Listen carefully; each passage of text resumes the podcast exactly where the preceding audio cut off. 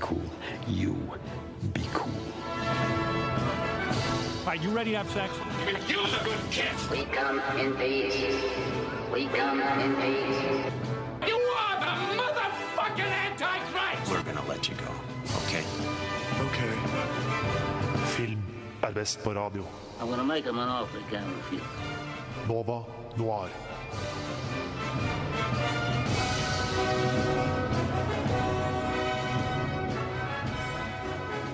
Hei, hei, og velkommen til Nova Noir. Klokka er ti. Eller det er den i hvert fall for deg, kjære lytter. Fordi eh, som du kanskje har fått med deg, så har Radio Nova dessverre måttet stenge pga. smittevernhensyn. som det er utrolig kjipt, men det er den situasjonen vi står i i dag. Men filmgleden stopper ikke av en pandemi. Så vi har nemlig tatt eh, og flyttet inn på eh, mitt eh, pikerom. Altså ikke der jeg har vokst opp, men eh, stedet pikehjemmet hvor jeg har et rom. Og jeg har, eh, sitter jo heldigvis ikke her helt alene. Eh, jeg har jo en, en som dere kjenner godt, Embla ved min side. Hei, hei. Og vi har en helt fersk person på radioen, og det er nemlig Lars. Hei, hei. Hei, Lars. Vi gleder oss til å bli bedre kjent med deg i dag. For vi skal nemlig gå i dybden på Coppola-dynastiet. Eh, altså Norges Nei, amerikansk svar på Skavlan. Eh, eller andre veien, på en måte. Eh, Stusslig sammenligning. Eh, ja, ikke verdig i det hele tatt, men tenkte i hvert fall det er det vi, vi kan svare med. Da. Og heldigvis har vi også eh, med oss Chris på spakene som hjelper oss med teknikken. Det setter vi veldig stor pris på. Og vi skal da gå gjennom de forskjellige eh, Coppola-ene, rett og slett. Eh, som du kjenner til. Francis, Sofia og Roman, som du kanskje ikke kjenner så godt til. Eh, og hva med de Coppola-ene som ikke bruker Coppola-navnet, som Jason Swartzman eller eh, Nicholas Cage? Det skal vi også eh, gå nærmere på, og se på filmene som er viktige i, i deres karrierer. Og til slutt så tenker vi også å prate om dette om nepotisme. Eh, For det er jo det som stinker av Coppola-familien, at det er veldig mye du kjenner meg, vi er i slekt, derfor får du være med i filmen min, typ. Vi skal se nærmere på alt dette. Men jeg tenker at vi tar det litt rolig og går rett inn i hva vi har sett siden sist. Du kan jo begynne, Embla. Åh, jeg har sett siden sist. Um, nei, jeg har uh, Ok, som mange andre, tror jeg, men kanskje mest 50 pluss, begynt å sett på den der nye NRK-serien Atlantic Crossing. Har dere sett på den? Ja, den som har fått masse slakt. Den har fått en masse slakt. Men min kontroversielle mening er at jeg ikke liker den skikkelig godt. Hva det du det. Ja, jeg koser meg så mye. Altså, den handler jo om når tyskerne invaderte Norge, eh, og følger liksom kongefamiliens flukt. da. Og jeg er litt sånn andre verdenskrig-nerd. Jeg syns det er veldig spennende, og spesielt alt som har med Norge å gjøre. Sånn eh, når vi er på kart, og liksom, vi virker veldig viktige i den serien. Og Danmark og Sverige virker veldig sånn underleggende oss. da. Vi virker veldig som heltene, og vi er protagonistene i den serien. Og jeg blir skikkelig patriot. Og jeg koser meg så mye. Eh, så det er egentlig bare Men det her er litt sånn tradisjonelt, da. Det kommer bare én episode i uka. Så jeg sitter jo nå hver uke, hver søndag, og koser meg med denne serien. Men er du enig i kritikken? Både og, fordi den blir mest kritisert for, er at de snakker rart. Men hovedpersonen er svensk og skal snakke rart. Fordi hun skal ikke kunne liksom, Hun skal snakke veldig rar, stiv norsk. Fordi hun skal liksom ha øvd på å bli eller liksom, kunne snakke pent norsk, men ikke få det helt til. Og alle er sånn 'Å, det er så stivt skuespill, for hun snakker så rart'. Men, sånn, men det er jo meningen. Men Og så er det jo det at de har brukt utrolig mye penger. Eh, sånn helt sinnssykt stort budsjett. Er det en av de dyreste nå i nyere tid, eller? Det må være det. Han derre eh, Cooper fra Twin Peaks, han, han spiller en av rollene, liksom. Han spiller president Roosevelt? Roosevelt? Roosevelt? Roosevelt. Det er et navn jeg er veldig redd for å si. Det snakket jeg om rett før sending. Men i hvert fall han er med! Han er superkjendis. Og hun eh, hovedpersonen i Broen, hun spiller jo hovedpersonen prinsesse Martha. Og ja, det er bare, bare kjendiser med her, så det må ha vært skikkelig dyr serie. Og produksjonsselskapet holdt på å gå konkurs. Jeg hørte noen rykter om at de kanskje skulle saksøkes pga. brudd på arbeidsrettigheter. Og, altså, det er veldig mye behind the scenes her, da. Men serien er spennende. Det er jo litt trist da, at de har gjort så mye, eller brukt så mye penger og ressurser, og så får den så mye slakt. Det er veld... Men jeg skjønner det ikke helt, fordi den er veldig typisk norsk serie. Sånn Kampen om tungtvannet og alle de der, de er vel i samme liga, liksom. Så jeg skjønner ikke hvorfor denne her får så spesifikk slakt. Men eh, jeg anbefaler alle som i hvert fall bryr seg litt om andre verdenskrig, å sjekke ut denne serien. Har du sett noe som har fått slakt eh, i det siste, Lars?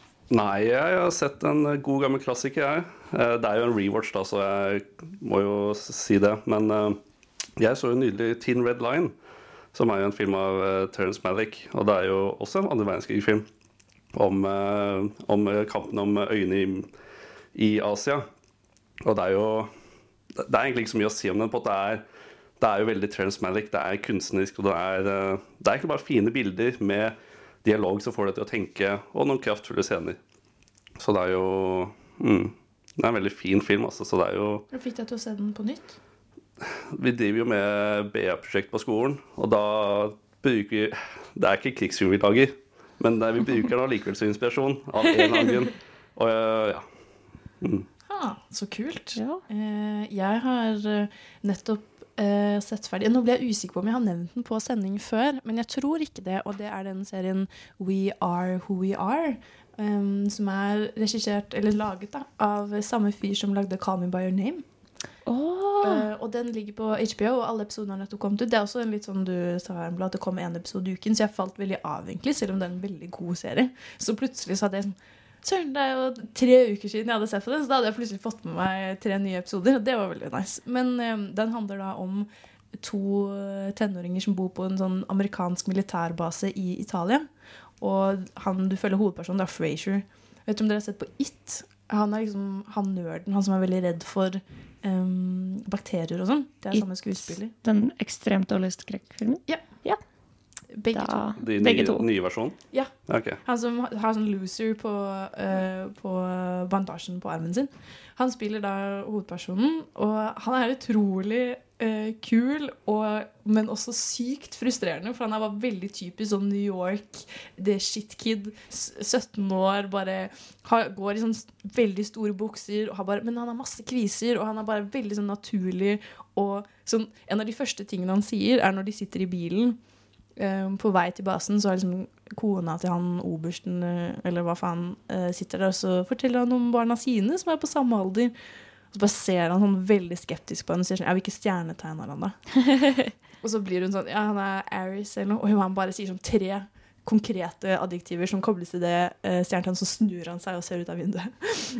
Er denne satt i nyere tid, eller? Ja, det er i 2020. Typ. Ok, det er... Nei, det er i 2019. Det er rett før Nei, det er jo valget til når Trump blir valgt. For det Ja. går liksom i bakgrunnen, da. Men den er veldig kul, og veldig mye bra musikkbruk. Eh, og handler bare generelt om det å liksom Identitet. Eh, det å liksom eh, ja, finne seg selv, rett og slett. Da, men på et veldig sånn stilistisk og, og, og flott område, egentlig. På HBO? HBO, ja. Okay. Og den er helt ferdig nå. Det er åtte episoder og er bare én sesong, så det, og det kommer ikke noe mer. Så veldig deilig å bare se en helg, f.eks. Vil anbefale.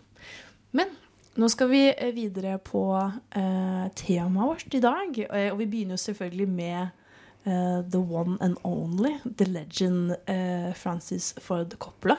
Men før vi gjør det, eh, så skal vi også høre en låt, og det er nemlig 'Gutted' av Lazy Queen. Du Du Du hø hø hører på. på Radio Nova. Og da skal vi som sagt videre på eh, å prate om Francis Ford Coppola. For han er jo på mange måter starten av Coppola-dynastiet. Selv om eh, familien hans har jo egentlig jobbet med eh, film ganske lenge. Men eh, Francis Ford Coppola, bedre kjent som mannen bak eh, Gudfaren-filmene, eller Apokalypsen nå, eller også Bram Stokers Dracula. Og han er jo da også da eh, faren til Sofia Coppola, som vi kommer eh, til å snakke mer om eh, senere. Og hva er egentlig deres forhold til Francis Ford Coppola? Min introduksjon til han var jo kanskje Apokalypsen nå. Eh, men da så jeg Redux Cut, som er den lengste.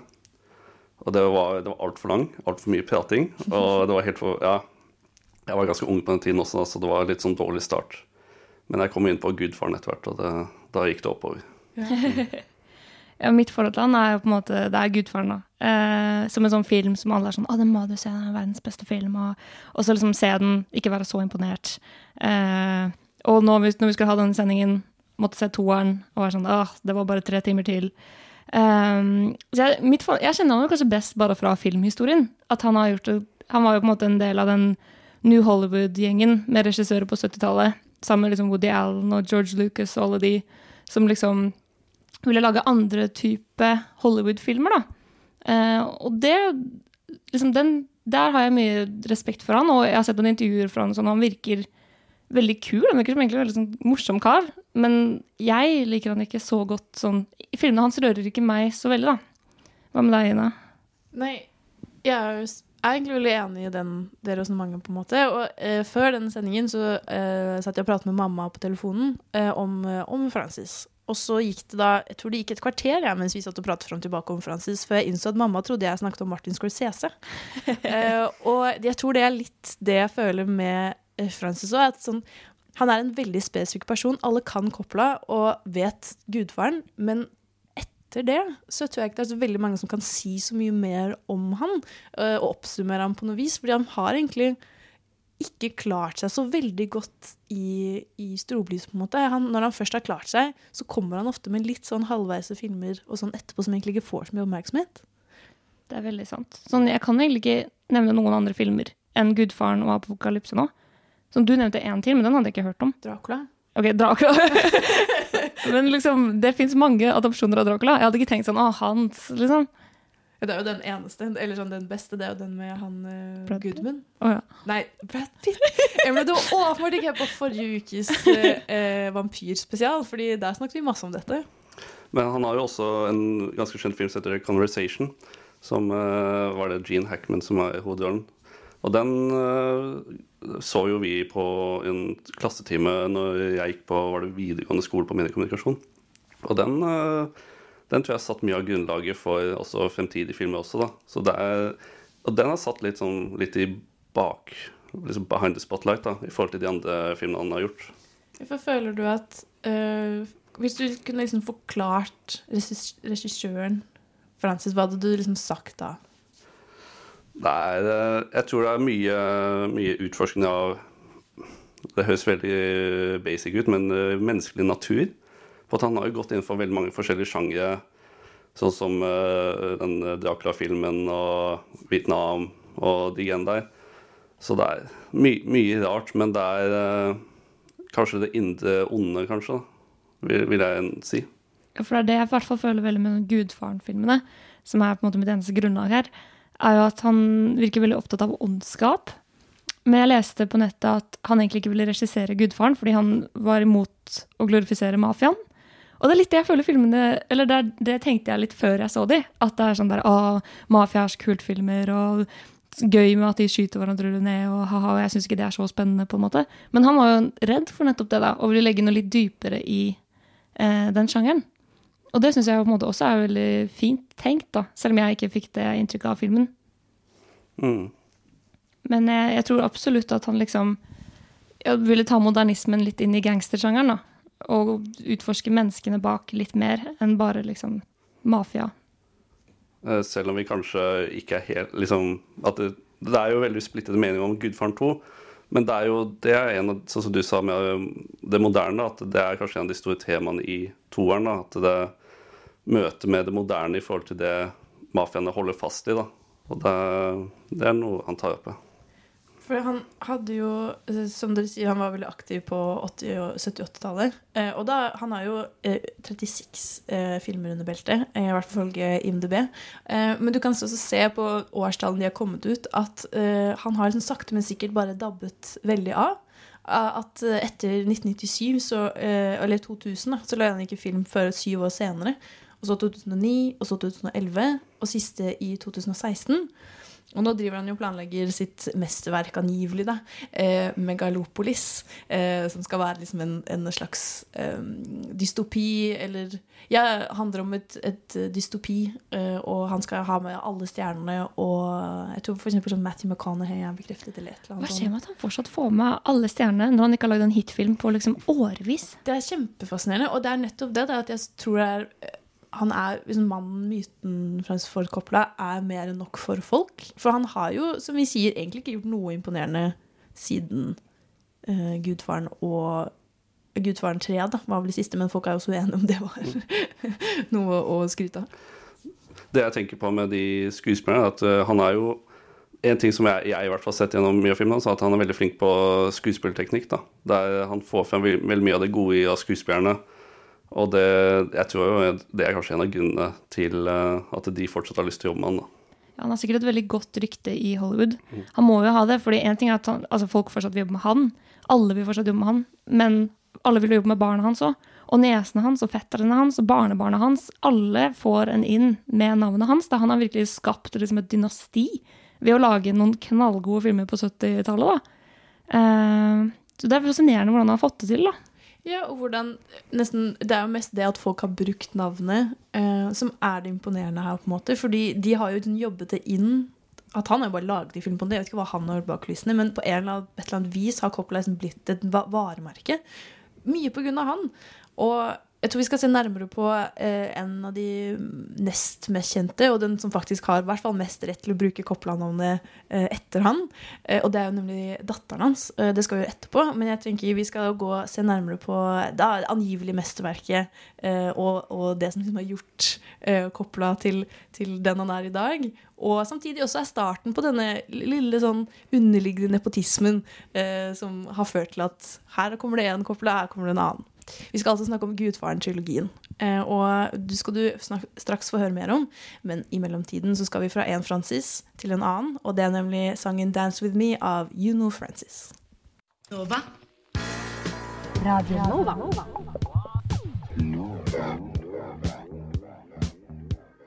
Du hører på Radio Nova. DAB, nettspiller og mobil. Og da skal vi inn i mafiaverden, og nærmere bestemt Gudfaren-trilogien. Og det er jo liksom dette som gjorde, satte Francis eh, på kartet på veldig mange måter. Og det er da eh, fortellingen om Corleone-familien, og da eh, en liten sånn mafiafamilie som, som utspiller seg i, i Oi, nå glemte jeg om det er i Italia eller om det er i New USA. York. Det er i New York, ja. ja det er bare det, de, kommer litt, de går litt innom Italia også, men i hvert fall en eh, italiensk familie som eh, bedriver litt lumske eh, kriminalitet i, eh, i New York. I I went to the police like a good American. These two boys were brought to trial. The judge sentenced them to three years in prison and suspended the sentence. Suspended the sentence. They went free that very day. I stood in the courtroom like a fool. And those two bastards, they smiled at me. Then I said to my wife, for justice, we must go to Don Corleone. Og Gudfaren er jo på en måte pensum for filmelskere. Det er det faktisk. Hvis man går inn på IMDb sine topp 100, der ligger de på perler på en snor. Og eh, jeg har egentlig Jeg må legge meg flat. Eh, jeg har bare sett eneren. Og du nevnte jo litt tidligere i dag Ina, ja, men vi skulle se dem! Ikke. Jeg orket ikke! Jeg led meg gjennom tre timer og et kvarter. Har du sett uh, treeren, da? Nei, ok, jeg så ikke treeren. igjen jeg orket ikke mer. Men hvorfor orket du ikke mer, Embla? Ah, Fordi Det er ikke det at det er dårlig. Jeg vil ikke at liksom, det skal høres ut som vi på en måte hater på det selv om vi gjør på en måte det. Det er, ikke, liksom, det er ikke dårlig film, det er bare så treg film. Det går så sakte. Og i tillegg til at det er så mange karakterer, at jeg sliter sånn med å henge med. Fordi de nevner så mange navn, og alle har ganske like navn. Og det er liksom, å nei, han er imot meg, og han klopper mot en, og nå skal vi drepe de, og det er han, og så skjønner jeg jo ikke hva de snakker om. Det er noe med at Kanskje hvis jeg hadde fokusert litt mer, men det er at jeg faller litt ut òg, fordi det er litt sånn lange scener hele tida. I tillegg til at det er liksom bare menn. Det er menn, menn, menn. Det er liksom én dame, og det er hun som blir ekskludert. Og jeg føler meg litt sånn som henne, fordi jeg føler ikke at jeg henger med helt på hva som skjer. Ja, så jeg, jeg bare Jeg faller litt ut, da. Jeg sy- syns det er litt uinteressant. Så jeg tenker meg at du ikke syns toeren er noe bra, da. Nei. På at du vet jo at det er ekstremt mange som mener toeren er kanskje bedre enn eneren. Jeg skjønner det. Jeg syns de var helt like. Jeg, eller sånn, jeg ser, jeg synes bare Det kunne vært én femtimersfilm. Jeg syns ikke den har noen forskjellig stemning, liksom. Men jeg merker at du sitter litt på den andre siden her, eh, her Lars. Jeg gjør det med eneren i hvert fall. Eh, Men eh, toeren er også ganske bra. Uh, eneren er jo et mesterverk. Det, det vil jeg bare få rett ut med en gang. Sist gang jeg så Gudfaren-filmene, så så jeg jo toeren og eneren back to back. Og da fikk jeg jo samme følelse som deg, at det blir veldig langt. Det blir veldig mange folk, og det blir veldig mye ditt og datt og hoi og hei. Men eh, jeg mener, nå ser jeg langt tilbake, men jeg mener å huske at jeg likte jo toeren når jeg så den veldig separert fra eneren. Liksom sånn, sånn som Den kom jo to år etter eneren, noe lignende. Og da, det tenker jeg er en passende tid. På at du må Jeg føler at figurene må synke litt i deg. da Du må få litt sånn Ok, de var sånn, og tenkte på motivene før du hopper på neste steg. Og jeg, tror det som, jeg er også veldig glad i Absolutt, jeg syns 'Gudfaren' er en veldig god film. Uh, og, men samtidig så er det jo litt det fordi nå føler man at man har sett det så sykt mange ganger. Uh, og jeg tror det er det mm, den liksom brenner seg litt på, at folk har nettopp blitt så inspirert av 'Gudfaren' at de liksom har gjort det på nytt og på nytt og på nytt. Og jeg tror at eh, Vi snakket jo om det at han var jo en av de som prøvde å lage annerledes film. Og jeg tror på mange måter at Gudfaren var en av de første som hadde denne gråe helten, eller antihelten, på en måte. At han Du har jo lyst til å heie på, på dem, samtidig som du vet at de er de slemme. Og jeg tror at det har vekt veldig mye følelser i, i publikum også, og det tror jeg er veldig imponerende eh, å få til. Samtidig som det er jo denne musikken og sånn avslutningsscenen i eneren hvor bare alt Alt bare går til helvete, på en måte, men også på en måte positivt. Eh, du vet liksom ikke hva, hva hvem, Alle dør, men hva? Det blir, veldig, du vet ikke hva du skal føle. Da. Og det tror jeg er veldig imponerende håndverk, at han klarer å vekke veldig mye følelser. Da, rett og slett. Hvis det er litt sånn eh, lov å spoile slutten på eneren, da, som nå er det en gammel eh, film, så ja, alle dør. Eller han får alle drept, da. Eh, det som bare irriterer meg veldig med den scenen, som jeg bare må få sagt, er at hvorfor ikke bare gjøre det på starten av filmen? Liksom, de har kriget med den, disse andre mafiafamiliene i mange, mange, mange år. Og så var det tydeligvis veldig lett å bare drepe alle sammen, da. Null motstand. Men det er hele poenget, nemlig at man skal ikke drepe dem. Fordi man skal jo klare å leve i en slags harmoni. Jo Men de har jo ikke gjort det hele filmen. De har jo drept hverandre én og én. Men Ja, hvorfor har ingen tenkt på at de bare kunne drept alle på en gang? Før, jeg ble bare sittende litt sånn De kunne gjort dette tidligere, liksom. Sånn som jeg har skjønt det med å sett eh, andre mafiating, så sånn som jeg skjønner så skal det visst være De, de har liksom toppledelsen sitter ved et bord, da, vanligvis, og liksom jobber sammen, egentlig, selv om de allikevel er imot hverandre. Og det gjør de jo også i Gudfaren-filmen. Med, um, der de inngår peace og la, la, la, og da får Michael komme tilbake fra Cecilia. ikke sant? Og så går det noen år til, men så plutselig liksom dreper han alle sammen. Så jeg skjønner at han liksom kanskje bryter de uskrevne mafiareglene, og la, la, la. Men jeg føler bare at det kunne skjedd liksom Jeg blir bare sittende og være litt sånn ah, kom igjen, da. Istedenfor å være sånn oh. Ja, fordi Michael er jo, og det er det jeg har jo lest boka, eh, eneren i hvert fall, og det er jo liksom det at Michael er jo rebellen. Han er jo liksom den annerledes. Selv om han alltid har liksom vært den som skulle bli ta over, har han alltid liksom stritt imot. Og det er nettopp derfor han må bli den neste, fordi han ikke vil. Fordi andre har altfor mye lyst. Og jeg tror det er litt det at han gjør ting på litt andre, andre måter. Og det hadde også vært veldig kjedelig hvis han gjorde det på akkurat de samme måtene som de andre, da. Men eh, du som har sett treeren, Lars. For lenge siden. Den, lenge jeg, siden. jeg hoppet over den for rewatch også. Ok, Så du er også enig i at den var overflødig? Jeez, det er så mye å si om det, egentlig. Men eh, det jeg skal si, er at du har jo du har jo Sofias forferdelige skuespill. Den, eh, det, det jeg husker den, er at den Nå husker jeg ikke om Scarface kom ut før eller etter, men den har på en måte den, Som jeg husker, så tok den liksom det actionnivået og den brutaliteten litt oppover. da. Og jeg føler at det trakk ned på det det Francis var god på, da, å følge det indre og det sånn antihelt og de litt, litt mørke innsiden. da. Jeg tror kanskje det hadde kommet veldig veldig mange gangsterfilmer mellom toeren og treeren. Konkurransen var kanskje litt uh, hardere, for treeren kom vel ut ganske lenge etterpå. 20 år etter eller noe sånt. Ja, den var jo, når jeg tenker på det, så var det jo på 90-tallet, var det ikke det? Jo. Mm. Så jeg, og da var det på en måte sånn Det hadde gått veldig mange år siden han lagde de to andre. Og liksom den sjangeren Eller de triksene han gjorde, var kanskje ikke så revolusjonerende lenger. Um, jeg følte bare at han brant seg litt på treeren, egentlig. Det er vel ingen som liker treeren, så det er ikke en uh, kontroversiell mening. Sier jeg som ikke har sett den. Du elsker nemlig. Ja, det er det er- din favoritt. Men tror dere at Francis kan gjøre det igjen? For han har jo egentlig ikke klart det siden. Noe jeg bare syns er litt gøy. Fordi ja, du sier jo nå at han holder på med det, sitt neste store mesterverk. Men før det kommer ut, så kommer det en ny versjon av Gudfaren 3. Han har klippet den om nå i dette året i pandemien, tror jeg. Eh, og skal nå lansere den igjen, for det er 30 år siden den kom ut. eller noe sånt. Er det sant? Så det, den kan vi jo se, i hvert fall hvis den går på kino. eller noe sånt. Oi. Men da må jeg man se treer, den originale treeren nå, da. Man må kanskje det, men i hvert fall skal dette være en mye bedre versjon. da. For det var visstnok masse han ikke ville ha med, som kom med i den originale treeren. Hmm. Så han legger skylden på alle andre? Ja. Men det, ja, for studioet har faktisk alltid vært litt imot han. Det var jo ganske mye produksjonsproblemer under treeren, øh, hvis jeg husker riktig. Det var jo han øh, Robert Duval var- ble jo ikke med på at han ville jo ha høyere lønn. Eh, Så det er mye Jeg tror det har skjedd mye shady behind the scenes da, som gjorde at det ikke ble helt optimalt. Det er veldig sant. Og Sofia Coppola spiller jo den ene rollen, men det var fem skuespillere som skulle spille den før henne, som alle måtte ta seg av produksjonen. Så hun var faktisk sistevalget. Det var sikkert bare sånn OK, Sofia, kan du gjøre det, vær så snill? Og så bare OK. Og så bare ble det som det ble. Fordi Sofia har jo fått mye, mye dritt, rett og slett, etter Gudfaren. Og vi skal eh, faktisk gå videre på Sofia og, og karrieren hennes. For hun, ja, som nevnt, eh, har spilt i Gudfaren og valgte til slutt å gå videre til, eh, som faren sin på en liten regissørkarriere.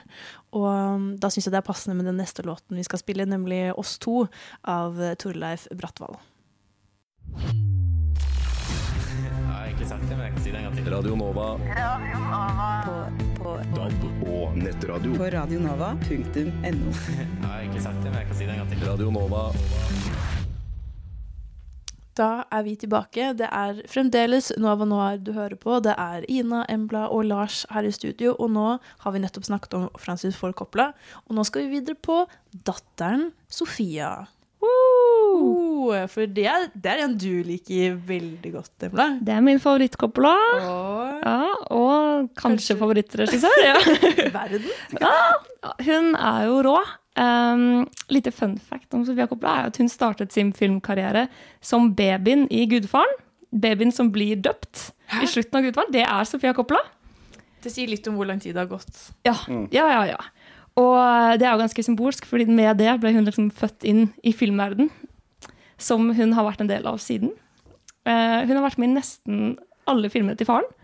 Som først som bare sånn statist eller sånn småting, men etter hvert så ble hun liksom større og større skuespillere. Og så, som vi snakket om i stad, den største rollen Hun spilte Mary eller noe sånt, Corleone i Gudfaren 3. En rolle hun ble så mobbet for at hun ble nesten jagd ut av Hollywood. Føler du at det var egentlig bra for karrieren sin at hun fikk den rollen? Kanskje. Jeg tror Kanskje hvis ikke hadde hun kanskje fortsatt å vært skuespiller. Og det ville hun egentlig ikke være. Um, hun har jo på en måte blitt dyttet inn i den verden av faren sin litt. Hun har jo på en eller annen måte gått på verdens lengste filmskole fra fødsel til nå. Um, men jo, det var jo på en måte nepotisme gone wrong, da. Fordi eh, hun fikk den rollen, ble hatet av alle. Alle kastet liksom nepotisme etter dem. Hun vant den der Razzia-prisen for verste skuespiller, som er sånn en av de verste prisene du kan få. Det er tidenes nederlag. Razzia, Eh, sa du det? Ja, jeg heter ikke det? Ikke Razzies? Oh. ikke politiinnbrudd. Razzia? Dette er norsk radio, Ina. Beklager. Fortsett. Så hun fikk altså Razzia-prisen for, den rollen. Um, men så leste hun en bok um, som het Virgin Suicides, og fikk høre at noen andre skulle lage en film om den. Og at det manuset var kjempedårlig. Og hun hørte rykter om liksom, hvordan den filmen skulle gjøres. Og det likte hun ikke i det hele tatt, så da var hun sånn denne vil jeg regissere. Og det startet hele hennes karriere. Da fortet hun seg å skrive manus samtidig som han som egentlig hadde fått rettighetene. Kom til studio var sånn, jeg har et bedre manus, med eh, faren Francis i ryggen, selvfølgelig, som produsent. Fikk litt nepotismehjelp fra sida. Og det startet hele hennes regikarriere, da. Og etter det har hun lagd nå syv spillefilmer. Så det er ganske sjuk historie. Men hva er deres forhold til Sofia? Jeg har jo egentlig ikke tenkt på Sofia før sånn i sånn i nyere tid. For jeg, synes, jeg så Virgin Suicides når jeg var ung og edgy, på en måte. Eh, og, mye, og jeg har liksom blitt veldig fascinert. Og jeg har ikke sett sånn kjempemye av hun heller. Men jeg har bare fått veldig inntrykk av at hun har en utrolig sånn kul måte å bruke femininitet på. Eh, for jeg har lest et intervju med hun hvor hun snakket om at hun har vokst opp i en skikkelig sånn mannefamilie. Det er bare masse menn og, og nevøer og brødre og hele bakka. Og da pappaen som lager disse ekstremt sånn macho-filmene også. At hun vil liksom gjøre femininitet eh, og bare sånn kvinner eh, til noe kult, det også. At ikke jeg skal være, Det er delikat, og det er jo, men ikke det er, veldig vakker, men også veldig beinhard på sitt vis. Og det har alltid syntes vært veldig, veldig kult. Hva med deg, Lars? Eh, Mitt forhold er jo Det er kanskje litt feil for meg å si det, men det en, jeg har bare sett én film av henne, og det er jo 'Lost in Translation'. Og det er jo Det var jo veldig positiv intro, det. altså Det er jo en veldig fin film. Og det er sånn Jeg liker meg sånn hvor du bare følger noen. Det er sånn min type film, så det Jeg overrasker meg sjøl med at jeg faktisk ikke har sett eh, de andre. De har bare havnet litt i backburneren når jeg Har det vært et aktivt valg?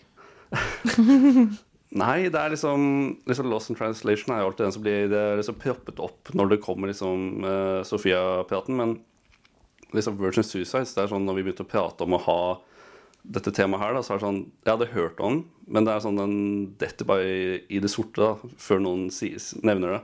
Ja. Og det er liksom litt uh, Det er jo litt trist at uh, det skal være sånn, men eh, ja. Ja, for jeg synes Hun er en veldig spennende regissør fordi hun er på en måte både for noen overvurdert og for noen undervurdert. Hun forsvinner på en måte litt, sånn hvis du tenker på Frances Ford, som har lagd tre på en måte veldig store filmer, men har alltid holdt seg relevant nå i ekstremt mange år. Og så har vi Sofia, som har lagd seks helt fantastiske filmer. Noen litt mindre bra enn andre, men de, mange av de veldig, veldig bra. Men har likevel liksom forsvunnet litt fra kartet. Og liksom er ikke så i rampelyset. Og mange mener jo det er fordi hun er kvinne, da. Jeg tror også det, egentlig. At sånn, hun har jo egentlig Jeg husker, eller sånn, jeg kan nevne flere av uh, Sofia sine filmer enn jeg kan Frans, Francis sine. Og jeg tror det er litt det at hun, nettopp kanskje pga. Gudfaren, ble tatt veldig lite seriøst. Uh, og også kanskje litt at man skylder på nepotismen også. At sånn, du, du, bare, du bruker bare faren, faren din sitt navn og kredibilitet.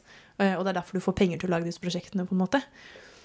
Det er veldig sant, og jeg tror bare at For hun har jo noe veldig eget. Hun er jo, som du nevner, veldig sånn delikat og feminin, men også veldig skarp. Og hun er så flink til å skildre små øyeblikk man kan tenke på som liksom bare sånn ubeviktige. da, gjør hun kjempe... Og du blir så trist og melankolsk og får så nostalgisk og rare følelser i kroppen etter å ha sett en Sofia-film. Og du skjønner ikke alltid helt hva den handler om heller. Det kan ta ganske lang tid før du skjønner hva var det jeg egentlig så nå. Men du bare kjenner utrolig mange følelser. Og det er så unikt ved henne, da. Men føler du at hun har dettet i en sånn nisje? At det er bare Hun lager bra ting, men at det bare Det rekker bare til et uh, lite publikum, på en måte? Det er det jeg er litt redd for, for nå hun lagde hun den On The Rocks, og der ser du at hun har tatt en mye mer kommersiell vending. Så det er nesten som jeg lurer litt på om hun har gitt litt opp og på en måte prøver å lage Eller jeg tror ikke hun har gitt opp, men hun har på en måte tatt en litt sånn mer mainstream vei, da. Fordi jeg kanskje prøver å nå ut til et større publikum. Som egentlig er veldig dumt, fordi Ok, Mitt favoritteksempel er Marie Antoinette-filmen. Fordi den er, det veldig få som har sett. Det er den eneste filmen som er laget på Versailles. Hadde veldig sjukt budsjett. Er helt sånn overdådig vakker og skildrer på en måte overklassen. Men den handler egentlig enda mer enn det om Marie Antoinette, som er eh, isolert, alene. Egentlig er det en coming of age-film. Eh, og så blir den hatet på, for det er sånn Det er ikke sånn den franske revolusjonen var. Eh, hun har på seg feil antrekk. Hun har på Converse. Altså har, de har gjort masse kule trekk som på en måte ikke er riktig. Og så får den bare kritikk for det, istedenfor å bli sett på som, liksom, som det eksperimentelle mesterverket som den er. da. Mens The Favourite, som kom mange år etterpå, den gjør mange av de samme trekkene og blir sett på som liksom, et mesterverk. Ja. Mens hun gjorde det i 2006 eller 2004, og da ble hun buet ut av Cannes. Så det er noe liksom dobbeltmoral her, da. Absolutt. Og eh, selv om det er veldig spennende å prate mer om Marie Antoinette, eh, så skal vi gå eh, tilbake til eh, helt i starten, eh, nemlig Virgin Suicides. Og, selv, og det er jo det første samarbeidet med Kirsten Dunst også. Men eh, vi skal også høre en liten låt, og det er nemlig 'Hardy' av Lucy Love.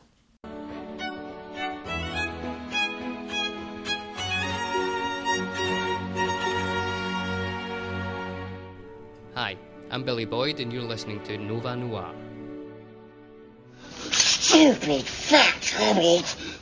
Og nå skal vi videre på hvor, vår andre film, eh, og Sofia Coppolas eh, debutfilm 'Virgin Suicides'. Uh. Og den handler da om fem søstre som er oppvokst i liksom USA suburbs. Um, og i en veldig konservativ og overbeskyttende familie. Og historien er fortalt gjennom naboguttene, som er helt sånn obsesst med disse jentene. Og liksom gjør dem nesten sånn mytiske skapninger. Og den er fortalt liksom fra fremtiden, hvor de på en måte mimrer tilbake til hvordan de husket disse jentene da, da de vokste opp. Eh, og så begynner filmen med at hun ene av søstrene prøver å ta selvmord, og ingen skjønner hvorfor.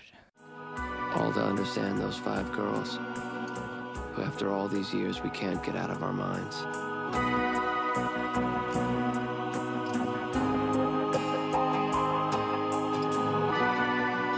Didn't matter in the end how old they had been, or that they were girls, but only that we had loved them.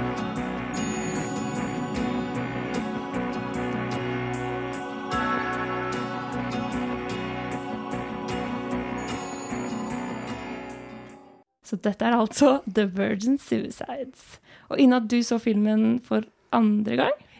Eh, for å refreshe litt. Men jeg så den jo i mine, mine Tumblr-dager, eh, for den har jo florert eh, i de fleste feeder, vil jeg anta. For det er jo først og fremst en utrolig vakker film, og også en veldig god, godt, veldig godt soundtrack. Og mm, jeg syns jo at det handler jo liksom dette om nettopp dette med glorifisering av, eh, av kvinner. Og også Jeg tror den har blitt litt misforstått, egentlig. Når vi snakket litt om Sofia i forrige stikk, så føler jeg på en måte at um, nettopp den, altså temaet er er litt sånn betent i, i seg selv. Og, men du har jo ikke sett den, Lars. Eh, og så lurte jeg egentlig på hva, hva, hva er ditt inntrykk av uh, Virgin Suicide? For du kunne umulig ikke ha hørt om den. Ja, nei, jeg har jo hørt om uh, tematikken og hva, hva historien handler om. Og det er jo De gangene jeg har hørt om den, så har den virket veldig mm, de, dep, depressiv. Og det er jo da er det sånn, Du må være i riktig humør til det. Så det er jo også en av grunnene til at jeg faktisk har satt den litt bort og ikke kommet helt den. At du må Det er jo det er ikke så veldig den, Den er liksom turnoff. Hvis du har lyst til å se en sånn feel good-film, da, så er det sånn selvmordsfilm og sånt kanskje litt mørkt for meg. Ja, fordi Det er det som egentlig overrasket meg mest første gang jeg så den filmen. At jeg visste også bare litt sånn hva den skulle handle om. Og jeg var sånn, oi, dette blir tungt. Men den er overhodet ikke trist eller mørk. Den er fortalt med veldig mye humor. Og den er liksom akkurat som, fordi du er på en måte i historien til guttene. Så det er egentlig mest bare sånn mytisk og rart og nesten litt sånn quirky. Mer enn det er dystert. Men med tanke på tematikken og sånt, føler du at den takler det bra? På at selvmord er kanskje en, kanskje en av de mer eh, vanskelige temaene å ta opp i en film? Vel, jeg føler kanskje ikke at den handler om selvmord. Det er jo litt opp til debatt, da. Men det er på en måte bare en konsekvens. Men det tas veldig lett på. De går egentlig ikke i dybden på det. Det handler egentlig mer om det å være tenåring, føler jeg, og fanget. Jeg tror det var veldig viktig for Sofia også når hun lagde filmen. I hvert fall intervjuer etter filmen så har hun uttrykt mye at hun ville gjerne se seg selv på film. Ikke denne sånn tullete eller mobb... Som hun sier, hun ville lage en, ta ungdom på alvor. Og det var det jeg følte Virgin Suicides gjør veldig godt. At sånn eh, Filmen begynner jo veldig dramatisk nettopp med det at denne 13-åringen prøver å ta sitt eget liv, og så sier legen sånn Men herregud, hva er det du driver med, liksom? Eh, du, kan, du er bare 13 år. Og så ser hun veldig sånn Det er Danny DeVito for øvrig, som er veldig gøy. eh, at han spiller legen. Eh, og så eh, ser hun liksom på han og sier hun Du har åpenbart aldri vært en 13 år gammel jente. Um, og uh, jeg føler det på en måte er en veldig god setning, bare det at du, ah, altså, det følelseslivet du har, alle de hormonene og tingene du opplever, er så sterke. Um, og, og det er det jeg tror den handler om at de velger å, å, å, å ta livet av seg. Det handler mer om den uh, Det er, en, det er jo en, en skildring av en oppvekst. Um, og, og alle de, de, ja, de følelsene man har. Og ingen tar dem på en måte så veldig seriøst i at de har det vanskelig heller. Ingen, alle skjønner at de sliter, men ingen Og det er mye rart som skjer i det hjemmet. Men det er ingen som griper inn, og ingen som egentlig tar dem selv. Selv guttene, når de på en måte gjenforteller denne historien til seerne, tar jo på en måte ikke de jentene seriøst. Det er fortsatt bare om hvor vakre de var, eller hvor idylliske, eller liksom å, de var så merkelige, og ingen skjønte hva de drev med. Men følelsene deres blir egentlig aldri tatt på alvor av filmen heller, da, men med vilje, da. Ja, for det husker jeg når jeg så den for første gang. Da var jeg veldig sint denne filmen. For jeg syns det er bare sånn Og så bare sitter de der og så bare syns de at de er vakre, og det er alt de er. Det er bare vakre kvinner. Eh, og jeg tror at det har tatt meg litt tid å innse at det er hele poenget. At du skal bli dritirritert på de guttene, for de sitter jo bare og fokuserer på nettopp hvor å, Det er så hyggelig å fantasere om hvor vi hadde dratt på ferie sammen, og, og bilturen vi hadde tatt, og eh, det å liksom få én kveld med hun hadde vært helt fantastisk. Men de tenker aldri liksom på menneskene på en måte. Eller sånn at de har interesser og er interessert i andre ting enn bare det å være vakre vesener. Og eh, det tok meg litt tid å liksom innse at det er jo veldig Så jeg tror kanskje også det igjen, da, at den blir misforstått fordi den virker som en veldig sånn kvinnenedsettende film, men så er den egentlig heller bare en, en kommentar på det. Med tanke på at filmen er jo fra 1999, føler du at filmen er fortsatt relevant i dag? Det er, at det er mye, mye ting som uh, dere tenker på fortsatt? Eller? Jeg føler at dessverre er den fortsatt relevant. Ja. Kvinner blir fortsatt vist veldig todimensjonale i film, og følelsene blir fortsatt ikke tatt seriøst. Og jeg føler også at tenåringsfilmer generelt blir sett på som pengemaskiner. Og man legger ikke like mye, mye, mye tid Eller sånn, bare se på Netflix, da. De pumper ut eh, nye kjærlighetsfilmer om tenåringer på forskjellige high schools eh, med forskjellige scenarioer månedlig. Og det er Jeg sier ikke at ikke, noen av de ikke er bra, men, og at de er på vei et sted, men jeg føler ingen Det er ikke like mange av uh, Virgin Suicides der ute som virkelig liksom legger fokus på dette å holde kameraet litt lenge, uh, bruke en spesiell sang til å fremme en type følelse. Um, og det savner jeg veldig, uh, og jeg tror derfor er Virgin Suicide ganske viktig da, for, for, ungdommer i dag, uansett. Bare sånn å føle at de blir sett, rett og slett. Og filmer som ikke bare skal kunne liksom oppsummeres i én setning. Hva handler denne om? Kort forklart, enkelt. At man har litt mer tiltro til at publikummet kan tenke selv, og også liksom at filmer for tenåringer skal kunne si noe viktig, da. Absolutt. Og eh, vi har jo, skal egentlig fortsette på dette temaet om, eh, om eh, da de andre Coppolaene. Og Sofia var en da, en av de mest kjente da, etterkommerne av Francis. Men hva med Roman Coppola? Eh, husker dere å sette sett han på en rulletekst her og der, muligens? Det, det skal vi også eh, snakke litt eh, mer om. Han er faktisk regiass på Virgin Suicides. ja, og har bidratt med også med, med, penger. Han var jo med på å skaffe finansiering, og det var også en, en ting med Virgin Suicides. De mistet jo eller, all finansiering sånn rett på tampen, og mye greier. Mye som gikk imot. Da er det bra Coppolandet i ryggen. Ja, og da hadde man annet da Roman. Og han har også jobbet med andre kjente regissører som vi skal snakke mer om straks. Men eh, jeg tenker at vi skal høre en sang, og det er Det vi aldri snakket om av Von August.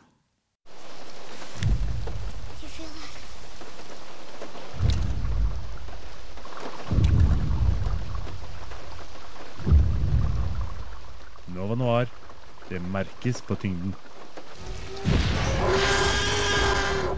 Og nå skal vi prate om den glemte broren eh, til Sofia og sønnen da til Francis Ford Coppola, nemlig Roman. Og Roman er jo et mysterium eh, for mange, for det høres kanskje litt eh, kjent ut. Kanskje du har sett en liten Wes Anderson-film her og der. Han blir nemlig beskrevet som Wes Andersons uh, Swiss Army Man. Uh, eller Swiss Army Knife. Um, for de har jo jobbet ganske, ganske tett sammen. Og, men når vi begynte å planlegge denne sendingen, visst, hva var deres kunnskaper om, om Roman, egentlig? Jeg, jeg, hadde aldri hørt om han. Jeg er en stor Wes Anderson-buff, og jeg, jeg, jeg, jeg føler at jeg mistet litt sånn Eller jeg trodde West Anderson var, filmen hans var 100% han. Og nå bare sånn Hvor mye er egentlig han? Ja, samme altså. Det, er, det har jeg tenkt så mye på nå. Roman er denne sendingens wildcard. Fordi han hadde jeg aldri hørt om. Han var helt inteteksisterende. Og nå, jo mer jeg researchet han, jo mer har han bare dukket opp i alt. Han er jo partner med Wes Anderson, liksom. Jeg føler at han på mange måter er en litt sånn Michael Crichton-karakter. Vi hadde jo en sending om Michael Crichton for noen, noen uker tilbake. Nettopp en, en, mann som har påvirket populærkultur uten egentlig at noen har lagt merke til det. Og det føler jeg oppsummerer Roman ganske bra også. Fordi du kan, ja, som du sier, finne han overalt. Eh, og spesielt da i typ alt Wes Anderson har, har laget de siste årene. Eh, men han har jo da, driver jo, driver jo mest med manus. For han har også bidratt da han bidrar også på manuset til uh, Francis sitt, uh, sin Dracula. Han bidro på, litt på manuset til Virgin Suicides.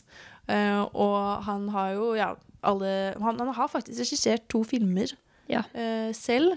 CQ og A Glimpse Into the Mind of Charles Swan III. Ironisk nok, de to filmene han har regissert, er jo også fetteren hans, Jason, som vi skal snakke om etterpå, med. Alle er med i alt. Og Bill Murray, som er Coppola-familievenn. er også med der. Bill Murray burde egentlig vært et eget stikk, fordi han er, må jo være en eller annen bestefar til noen. Bill Murray, Coppola-familien og Wes Anderson. Her er det noe mye som er connected. Tenk å sitte på Thanksgiving dinner med, med hele denne sulamitten. Oi, oi, oi. Men Roman, da. Eh, han har jo da eh, også jobbet med da Swartzman i Mozart in the Jungle, f.eks. Eh, så han har også klart å komme seg litt bort fra Wes Anderson.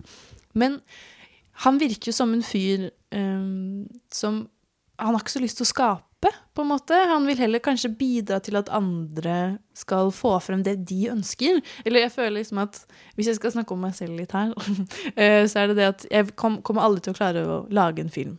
Men jeg elsker å liksom se på film og, og, og hjelpe liksom, bidra til, Jeg har veldig lyst til å bidra til at film skal komme seg opp og frem. Jeg føler er kanskje litt den følelsen Roman har òg. Han bidrar jo åpenbart med å skrive, og det er også en kreativ ting, på en måte. Men han, ja, han er jo litt mer en bidragsyter enn en skaper, kanskje. Er det kontroversielt å si? Det er ikke kontroversielt å si, men jeg tror ikke det er det han har villet. Jeg tror, fordi han har regissert de to filmene, men de ble så dårlig mottatt at jeg føler han egentlig bare har gitt opp. Ja, jeg tror skriving er bare noe han Eller han er jo åpenbart flink på det. Han, alle filmene han har skrevet, har jo vært veldig bra, mesteparten av de. Men uh, jeg tror nok han prøver liksom mange ganger bare å komme seg inn i det regiområdet, men har bare bommet hver gang. da. Ja, for han har jo også vært uh, regiassistent for Frances mange ganger, for Sofia mange ganger, også for moren, Eleanor Coppola, som har begynt å lage filmer nå, i en alder av 80. Han har på en måte vært regias masse, og for Wes Anderson, og han har jo skrevet masse, og han er alltid på sett, og han er alltid med. men jeg tror Og han har regissert mange musikkvideoer. Så jeg tror han har en veldig sånn skapertrang, men at han kanskje bare mangler det talentet. Å, det er veldig trist. Oi. Ja. Men det kan også være at det er den uh, skuespillerdelen også, sånn som vi pratet om med Francis i stad. At det er som å få det beste ut av folk. Da, med tanke, han har jo mange ressurser bak seg. Men OK, vill parallell, men i Gudfaren så er det jo da Michael. Han vil ikke. Han uh, ønsker ikke, men han må.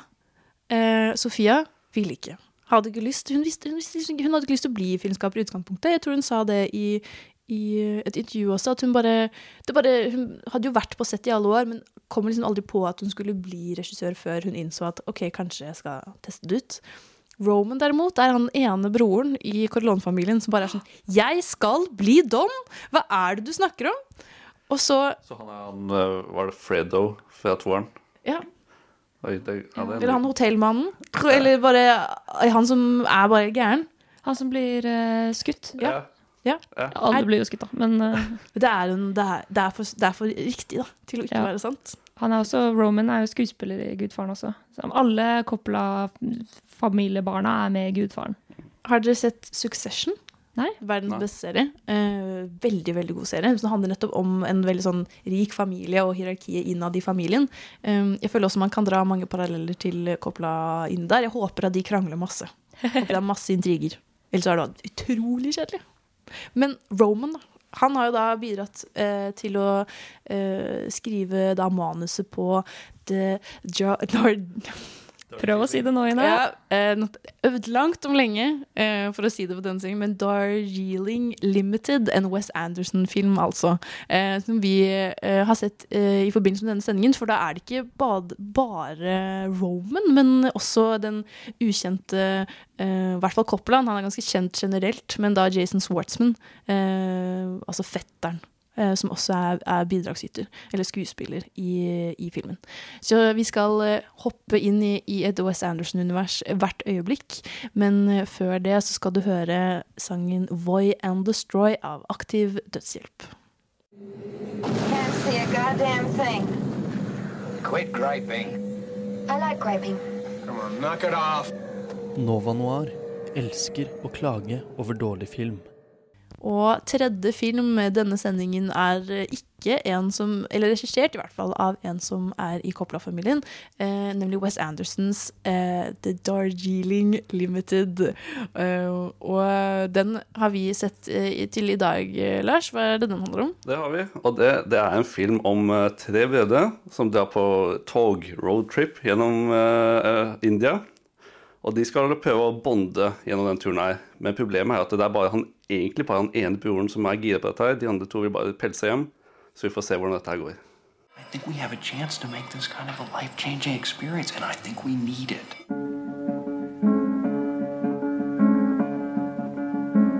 I want us to become brothers again like we used to be. You're the two most important people in the world to me. This is incredible! Why haven't we spoken in a year? Because we don't trust each other. Is that my belt? Darjeeling Limited er jo, som, som jeg sa, en, en koselig film om en roadtrip gjennom India. Og det er jo Her har vi jo Wes Anderson med Roman Coppola som har skrevet. Det er første samarbeidet deres. Og så har vi Mr. Jason Schwartzman, vi har Owen Wilson, og så har vi jo Adrian Brody. Og det, ja, Jason Schwartzman er jo også med å skrive den. det er sant. Og han er også da, for lytterne, en Coppola. Vi kommer til han også. Mm, liten spoiler. Ja. wow. Men det er jo Det er en øh, Jeg føler at det, det, er jo ganske interessant å se på dette med tanke på at det er både Roman og Jason som har skrevet den. Og da, men hvis du ser på en West Andersons perspektiv, så hvis jeg husker riktig, så er jo dette øh, den første West Amsterdam-filmen hvor det hovedsakelig er voksne menn. Det er, det, er ikke, det er ikke mange barn som øh, er med Som er, er sentral rolle i den filmen her, da, kanskje. Oi, det har jeg aldri tenkt over før. At det er veldig mye barn. Nei, og det er, det er jo Men det, jeg har faktisk skrevet en liten stil om dette her tidligere. Så det er jo, men Wes Anderson tar jo Litt sidespor her. Men Wes Anderson tar jo barn og setter dem i voksne situasjoner, mens han setter dem i voksne i barnesituasjoner. Men uh, i denne Darjeeling Limited da, så er det litt mer uh, litt, litt mer normalt, men samtidig så har det den sjarmen av Wes Anderson. da. Men jeg føler jo egentlig at det er en ganske barnslig oppførsel fra de, disse tre mennene. For det er jo da eh, tre brødre som egentlig ikke har pratet med hverandre på et år. Og du får jo vite i løpet av filmen at det er mye pga. Eh, en begravelse som skjedde for et år siden. Og han ene broren har da lurt de med på den togturen for å bli, bli nær, nærere hverandre. Og jeg føler egentlig at de er utrolig barnslige.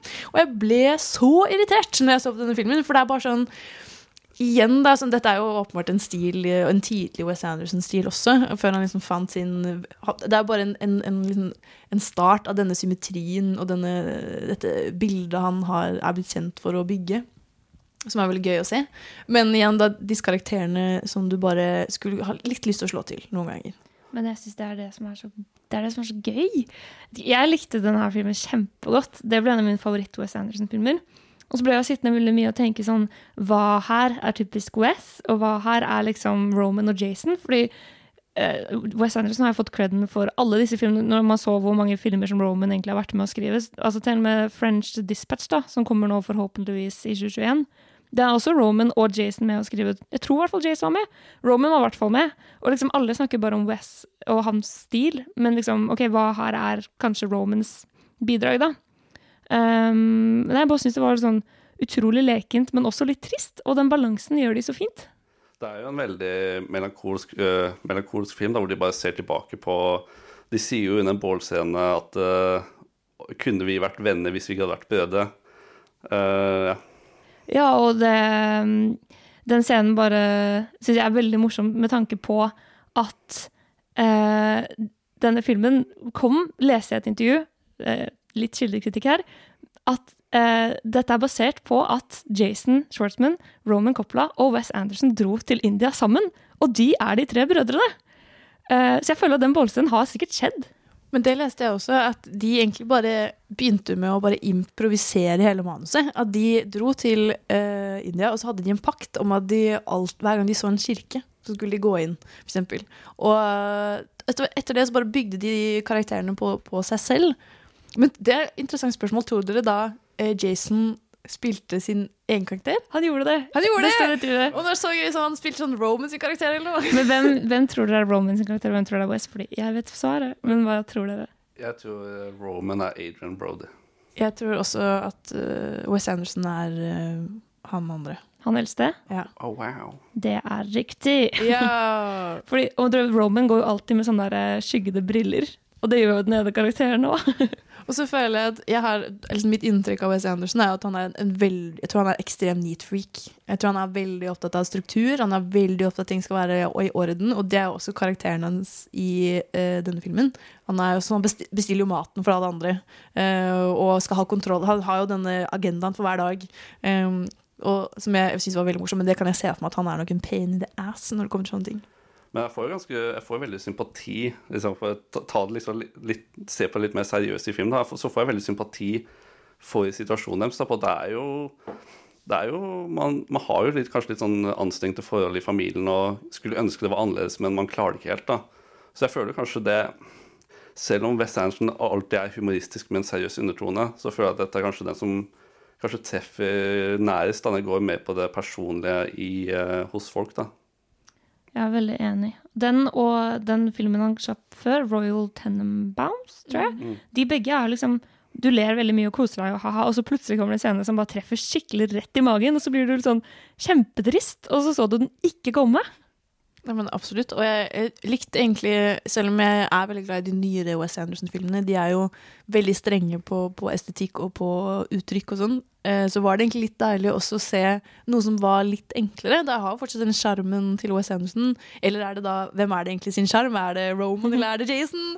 Hvem vet? Vi skal uansett snakke om Jason også. Altså Jason Swartzman. Ikke Coppola, men en Coppola eh, likevel. Coppola in disguise. Ja, eller er det så disguise, er jo også et spørsmål man kan stille. Eh, fordi som eh, Embla nevnte før tidligere i dag, er kanskje Jason den som har mest lyst til å være en Coppola.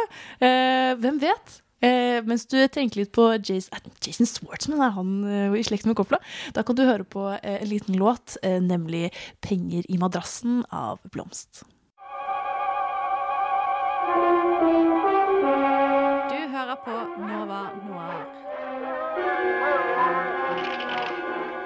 Who do you think you are, anyway? Answer me, or I destroy you. Og det er nå, dere, det er nå det begynner å bli komplisert her. Fordi vanligvis hadde det liksom gått ja, ikke sant? Francis, og så fikk han to barn, Sofie og Roman. Men så plutselig, helt fra siden, kommer da Jason Schwartzman. Og han er jo han er kusin... Nei, fetter. Fetter, ja. Fetter til, til eh, resten av koppelandet. Men, men hvorfor heter han Swartzman? Han, er, moren hans var jo Talia, var det det hun het? Yes. Talia, ja, og hun spilte jo faktisk i Rocky-filmene. Og hun eh, Men så giftet hun seg med en som heter Jack Shortsman. Og dermed ble, fikk han eh, kanskje dessverre for han, vi vet ikke helt, uh, Shortsman-navnet istedenfor Coppola-navnet. Jeg tror han er skikkelig lei seg for det. Tror, tror du det? Jeg tror det. Hvorfor tror du det, Emla? Fordi ingen har jobbet hardere for å være med i hver eneste familieproduksjon siden. Han lever jo på Coppola-bølgen. Det er jo hele karrieren hans. Men, men han, han er jo fetter til eh, Sofia og Roman, så du tror vel at han fortsatt får være med på disse eh, kanskje julefeiringer? og Han, han er vel ganske sterkt tilknyttet til, da. Jeg tror det. Mm. Og vi skal jo litt senere, liten spoiler her, men komme over til Gia Coppola, som er en ny Coppola. Og han, hun slipper jo ny film nå i 2020. Han er med der òg. Mm. Han har kommet seg med i alles filmer. Og Men kanskje han bare er en sykt G-fyr, da. Og bare er litt sånn Ja, men selvfølgelig! Jeg blir med på alt. Uh, bare har lyst bare har ekstremt Han er sånn fyr som ikke klarer å sitte stille. Jeg har en teori på hvorfor han har blitt så populær i Coppola-familien. Og det er fordi det var Jason som ga dem Wes Anderson. Ja. Det tror jeg i hvert fall. Det har vi, jeg har prøvd å researche dette, og alt tyder på det. Fordi han startet jo sin karriere som 17-åring eh, i Rushmore, Wes Anderson i film. Og den fikk han faktisk ved å dra på audition, og ikke ved å være en Coppola. Eller han kom på den audition fordi han var på en fest da, med masse kule produsenter som sa du ligner på typen. Så absolutt fordi han er en Coppola, fordi han er en Coppola. Men han var i hvert fall på audition, ble kjempegod venn med Wes. Etter det har de to bare vært bestevenner. Jeg tror han introduserte Wes Anderson til Roman og Sofia. Eh, Lost in Translation skjedde pga. Wes Anderson, blant annet. Det har vært veldig mye i kulissene her, ikke sant? Han ga Coppolaene Wes Anderson. Men er det ikke også litt imponerende at ingen har klart å gifte seg med han enda? Eller så Wes Anderson, altså Han er åpenbart gift, men sånn uh, at ingen av Coppolaene har klart å gifte seg med Fordi jeg føler Hvis jeg hadde vært Francis, da Nå bare sier jeg som en mafia-don, så hadde jeg tatt, sett denne muligheten og vært sånn Sofia, kan, kan, ikke, kan ikke du prøve å liksom få en greie med han? Det er sant. Det hadde vært litt av et Tenk så forhold. mektige de barna hadde vært! Men han er jo kanskje på en måte allerede, ikke teknisk sett, men gift på en annen måte til familien, tror du ikke? Det er sånn kanskje ikke trenger, de trenger ikke ekteskap. På hvilken måte? Hva tror du han har gjort? Ah, nei, jeg bare tenker at han er utrolig bro med de og veldig god venn. Ja. sånn at de... Jeg tenker sånn blodsbånd eller noe. Ja. ja, ja, ja, men det kan jo være godt med det. De har jo allerede spilt i en film at de er brødre, liksom, på India-tur.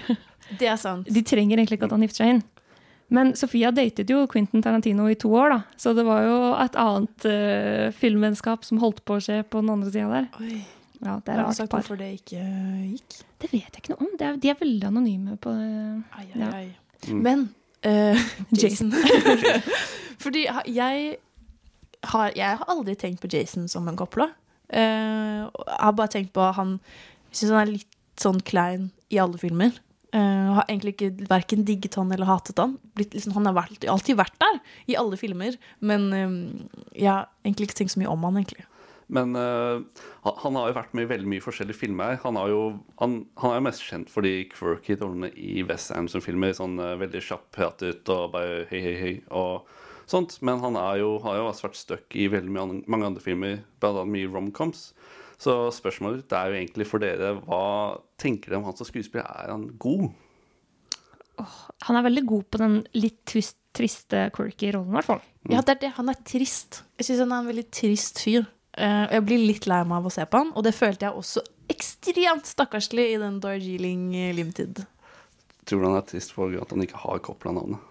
Er det Ja, derfor- det er derfor han er så Er- trist. Er, det det han tenker på hver gang han skal være trist i en scene? At han bare Hvorfor er ikke jeg kopla? Konstant lei seg. Mm. Har dere, ja, har sett han i Marie Antoinette? Fordi der er han eh, Er han der også? han er, spiller kong Ludvig. Der er han trist, og ikke quirky. Der er han bare trist. Å nei. Så det er det Ja, han han er best på. veldig glad på virkeligheten, i virkeligheten. Jeg så en behind the scenes-video av Marie Antoinette, hvor han lagde en sånn eh, MTV-cribs av palasset i Versailles. Og der så han jo veldig lykkelig ut, da. Så vi kan jo håpe at eh, Ja. Jason. Ja. Men han er jo også manusforfatter, da. De har, Mm. han, har jo et annet, han har jo skrevet den derre eh, sammen med Wes og Roman, den Isle of Dogs og French Dispatch. Eh, og Darling Limited. Dar, Darjeeling. Darjeeling. Herregud, for en utrolig vanskelig tittel å si. Men så han er jo på en måte blandet inn på flere måter, da. Og det kompliserer jo ved også uh, vår bedømmelse av filmene. Hvem er det som egentlig har skrevet filmen? Er det Wes, er det Roman, eller er det Jason? Føler du at det er noe Jason i de filmene han har vært med på? Men bare for en liten konspirasjonsteori, da, for å slå et slag for Wes her. Eh, hva om de bare er sånn Ja, men du fikk ideen fra oss, så vi jo egentlig betale Hvis vi betaler masse penger for at vi kan stå For det er ofte man gjør det. Hva er en produsent i Hollywood? Det står jo bare navnet ditt der, fordi du har gitt litt penger. Så, og da kan du også kreve forskjellige ting. At det står sånn Executive producer, eller du har vært med på å skrive et eller annet. Og tror du, er det en konspirasjonsteori at eh, Roman eller eventuelt Jason har vært sånn OK, hvis jeg gir deg masse penger, så må jeg stå på at jeg har skrevet manuset. Jeg synes Det er morsommere hvis vi tar konspirasjonsteorien andre veien. Og bare tenker at det er egentlig ikke ja, det er egentlig noen Wes Anderson-filmer, det er egentlig Coppola-filmer. Det er det vi bør begynne å omtale liksom. som. Oi, fy søren. Herregud. Men det er jo også Jason da bruker jo ikke uh, Coppola-navnet. og det er det enda en eh, kjent eh, skuespiller eh, som gjør, nemlig Nicholas Cage. Og What? eh, han skal eh, Alexander fortelle oss litt mer om eh, straks. Eh, men først så skal du høre altså sangen 'Helvete' av Hanna Jerver.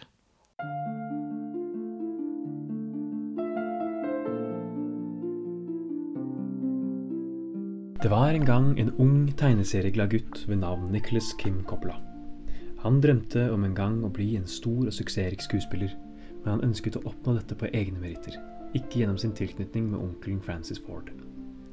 Derfor bestemte han seg for å ta kunstnernavn etter sin tegneseriehelt Luke Cage, og ble fra det og inn i evigheten kjent som Nicholas Cage.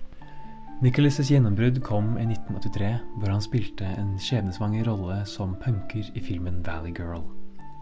Nicholas hadde nemlig bestemt seg for at han ikke skulle være som alle de andre skuespillerne i Hollywood. Han hadde sin egen plan. Spørsmålet var bare om verden var klar for det. What is it? What is it? What is it? Oh, no, not the beast! Not the beast! Ah! 80-tallet fløy forbi, og den unge Niklas fikk flere og flere suksesser under beltet. Blant annet spilte han i den anerkjente Cohen-brødrene-filmen Racing Arizona. Dog var det 90-tallet som virkelig skulle være Cages tiår. Det starter sterkt, og Nicholas får hovedrollen i David Lynch-filmen Wild at Heart. Well, this is a. And for me, it's a symbol of my individuality and my belief in personal freedom. Og i 1995 spiller han hovedrollen i filmen Leaving Las Vegas, som en livstrøtt alkoholiker som har bestemt seg for å avslutte sitt liv i Las Vegas med et smell. Helt fram til han møter den prostituerte Sera. Filmen sikrer han en Oscar-statuett for beste mannlige hovedrolle, og sparket i gang en legendarisk two-year run av action-adventure-film, hvor han bl.a. gjør The Rock, hvor han spiller mot Sean Connery i en Michael Bay-regissert film om å bryte seg inn i Alcatraz, hvor en gjeng med tidligere marinesoldater har kidnappet en masse turister og truer med å kjemisk bombe San Francisco. Hiya. I'm an agent with the uh, F- FBI. I'm Stanley Goodspeed. But of course you are. Han spiller i Con Air, hvor han spiller mot Danny Trejo, Steve Buscemi, Dave Chappelle og John Malkovich i en film hvor det er Ja, vi kan høre på dette klippet. Today's flight is a special one. We're populating Louisiana's Felton Penitentiary. These guys are the worst of the worst. Og til slutt Face Off. I'd like to take his his face off. Det er gjennom disse tre kassasuksessene at han for alvor etablerer seg som en innbringende actionstjerne. På tross av hans, la oss være helt ærlig, uortodokse utseende. Jeg kan ikke se for meg at det var særlig mange som hadde plakater av Nicholas Cage med sitt lange hår fra Con Air hengende over sengen der på slutten av 90-tallet. Men 90-tallet og 2000-tallet fortsetter i jevnt tempo for Cage, og i 2002 spiller han en av mine personlige favoritter, nemlig Adaptation, skrevet av Charlie Kaufman og regissert av Spike Jones. I denne filmen ser vi Nicholas spille rollen som både den reelle manuskriptforfatteren Charlie Kaufman og hans fiktive tvillingbror Donald i en performance som får han nominert for en Oscar for annen gang. She hates me. She's disappointed. I could see it in her eyes when we met. I've got to stop sweating. Oh, she looked at my hairline. She thinks I'm bald. She's thinking I would never in a million years sleep with this guy. We think you're great. Oh, thanks. Wow. Det er dog i denne perioden, hvor Cage er en av de best betalte skuespillerne i Hollywood, at ting begynner å gå galt. Selv om han tjener seg styrtrik på filmer som National Treasure og Gone in 60 Seconds, tar hans personlige forbruk han igjen. Han begynner å bruke pengene sine på enorme landeiendommer, øyer i Karibien og slott i Europa. Han kjøper også på et tidspunkt en dinosaurhodeskalle som han senere leverer tilbake til Mongolia etter å ha funnet ut at den var stjålet derfra. Dette, i kombinasjon med en rekke dyre skilsmisser, gjorde at Cage var i tøffe finansielle tider. Det kan nok forklare hvorfor han, særlig i perioden mellom 2010 og 2017, dukker opp i en hel del straight DVD-produksjoner med en IMDb-rating på godt under fem, og er kreditert i svimlende 28 filmer i løpet av en syvårsperiode. Men så kommer 2018. Og han spiller i den fantastiske og slående horror-slasher-filmen Mandy, i en performance som mange, inkludert meg selv, mener er en performance of a lifetime. So what you gonna do with that thing? I'm going hunting. So what you hunting? It's crazy evil. Mye kan vitne om at han er på vei ut i bedre tider, noe som lover godt for den siste delen av den nå 56 år gamle skuespillerens karriere. For de som er ukjente med Nicholas Cage sin skuespillerstil, eller ennå ikke har funnet ut av å nyte den, skal jeg kort forklare. Hans tilgang til skuespill har ofte blitt brandet med labelet overacting, av hans ofte veldig intense måter å utspille sin rolle på. I'm a vampire. Kill me. Kill me. Cage derimot kaller det heller mega-acting, og beskriver selv sin tilgang til skuespill som nouveau shamanic, pga. en eh, oppfattet historisk link mellom sjamaner i tidligere samfunn og skuespilleryrket i dag. Han har også sammenlignet eh, sin skuespillerstil med tysk ekspresjonisme, som for de som ikke har sett den fantastiske Dr. Caligari, er en stumfilmsjanger på 20-tallet som var preget av et meget høyt bruk av sminke og svært teatralsk skuespillerstil. Denne skuespillerstilen, som først kommer til uttrykk i Valley Girl, har gjort ham til en omstridt figur i Hollywood og blant filmanmeldere og entusiaster. Noen mener hans brand av skuespill rett og slett blir for tøysete og fjerner all form for alvor i scenene han er med i, mens andre, og jeg kan avsløre at jeg er blant disse, mener at Cage gjør noe unikt med sin tilgang til skuespill. Han er en av få i Hollywood som tør å utfordre de naturalistiske normene og by på noe nytt. David Lynch kalte han «the jazz musician of American acting». Selv om hans rykte har båret preg av alle de elendige filmene han har spilt i de siste årene, er han alltid en fryd å se. Selv i elendige filmer som The Wicker Man beholder man et hint av engasjement nettopp fordi Cage er Cage, og han gjør ting som han ikke forventer. I think, yeah. How'd it get burned? How'd it get burned? How'd it get burned? How'd it get burned? I don't know! Selvfølgelig ler man av det også, og det er også deler av poenget. Men som særlig Mandy viser i nyere tid, er han helt med på vitsen. Og han har selvironi, og han spiller på det. Jeg gleder meg til å se hva han vil by på de neste par årene. Og særlig gleder jeg meg til filmen Pig, som kommer her til neste år. Hvor Nicholas Cage skal spille en trøffeljeger som mister sin trøffelgris. I noe som høres ut som Mandy møter John Wick. Og det er jeg veldig klar for å se. Nova. Radio Nova. Du hører på Radio Nova. DAB, nettspiller og mobil. Og nå er jo disse koplene begynt å bli ganske gamle. Eh, og da tenker man jo hva er den neste bølgen med Coppola? Og det er jo nemlig en som har kommet seg litt opp og fram i det siste, i hvert fall. Eh, og det er hun du nevnte tidligere i dag, Embla, nemlig Gia Coppola. Gia Coppola. Hun, hvordan kommer hun inn i bildet her? Vel, eh, du, vi har jo vært innom Robin og Sofia, som er da barna til Francis. Det var en tredje søsken på Altså broren til Roman og Sofia, som het Gian Coppola. Han døde, dessverre, men rakk akkurat å gjøre forloveden sin gravid. Og det er da Gia Coppola. Hun fikk navnet hans. Så hun har aldri møtt faren sin, eh, men er da altså barnebarnet til Francis Ford. Sofia og Roman er hennes da tante og onkel. Og hun er den tredje generasjonen filmskaper, og veldig up and coming, da. Så da lurer jeg på, hadde dere hørt om Gia før? Aldri. Absolutt ikke. Jeg har jo hørt om uh, hennes debutfilm 'Palo Alto', uh, som vi skal snakke om etterpå. eh, eller gå dypere på etterpå. når jeg, for, for, for lenge siden. Men jeg visste ingenting om, om Gia, egentlig. Nei, hun er på en måte ikke så kjent som et enkeltnavn, føler jeg.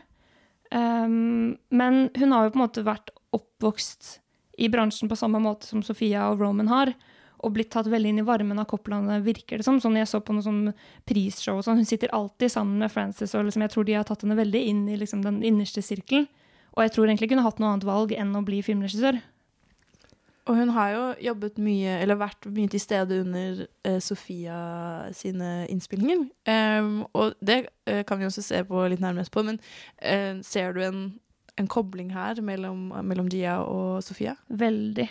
Vi skal jo se litt nærmere på filmen hennes Palo Alto etterpå, men det er store likhetstrekk mellom Palo Alto og The Virgin Suicides.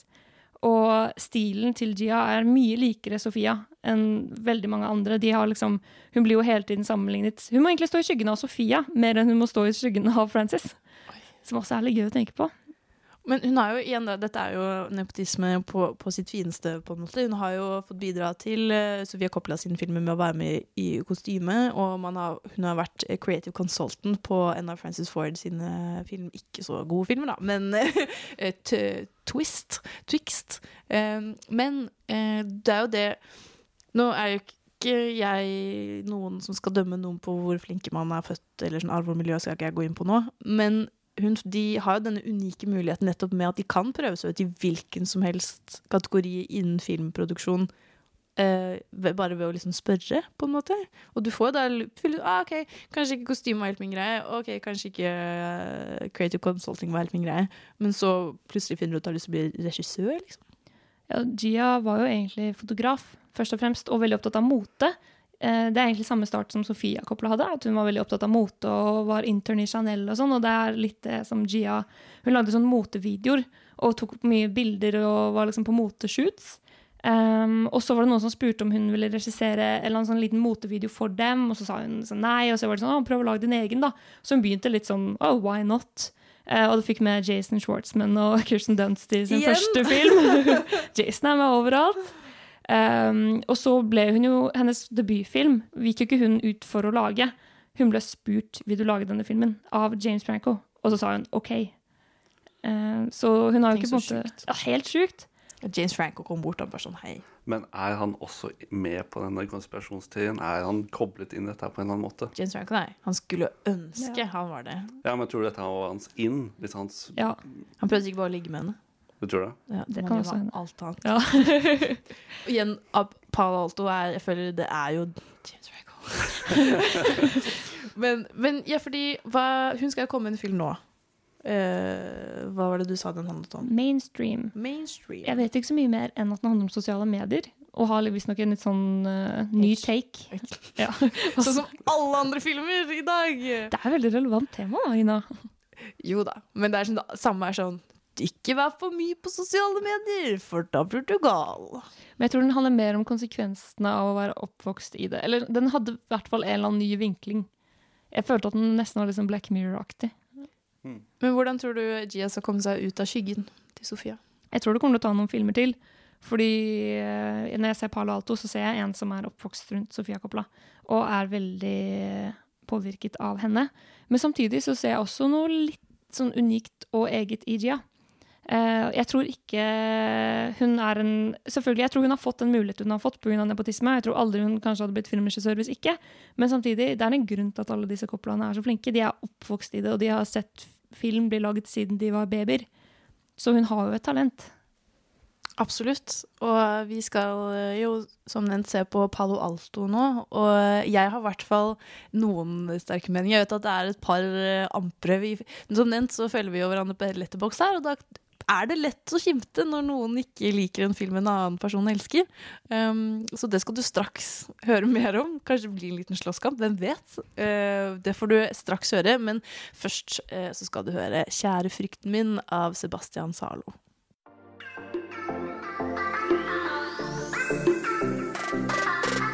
Du lytter til Nova Noir her på Radio Nova. Og da er det enda en debutfilm. Vi er gode på dette i dag med debutfilmer. Og det er nemlig Gia Coppola sin eh, debutfilm 'Palo Alto'. Eh, og den eh, er med mange kjente fjes. James Frank og Emma Roberts. Og handler litt om dette med Igjen da, dette med å være tenåring.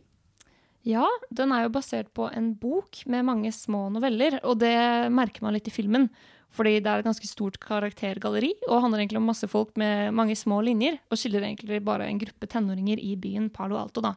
Og de små tingene som de går igjennom og erfarer. Så egentlig et portrett av ungdomstid. Litt sånn som Virgin Suicides. You just don't care about anything. I wish I didn't care about anything. This party sucks.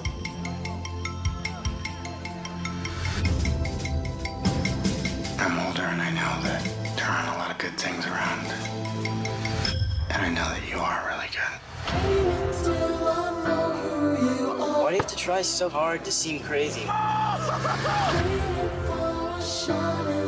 Do you even think she's pretty? She's pretty. I don't think she's so pretty.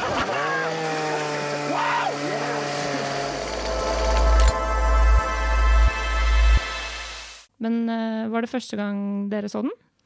Nei. Det var det for deg, Lars. Mm.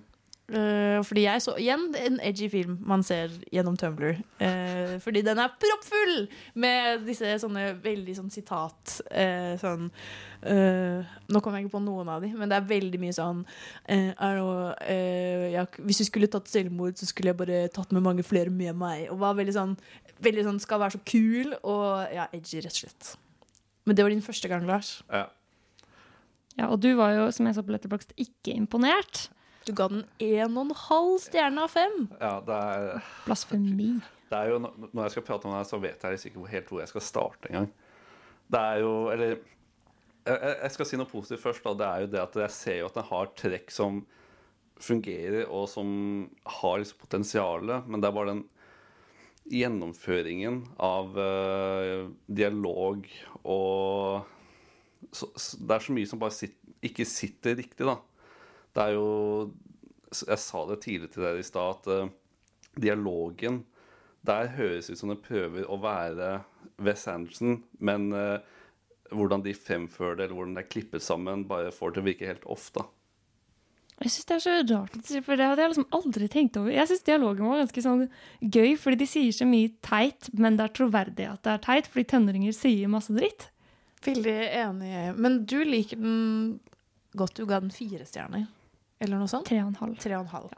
Så det er sånn Ja, denne liker jeg i film.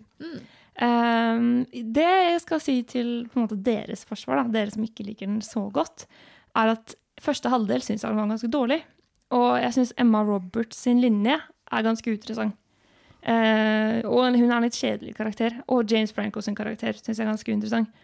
Det jeg syns er veldig kult, er vennskapet mellom Teddy og Fred, to av filmens uh, hovedkarakterer.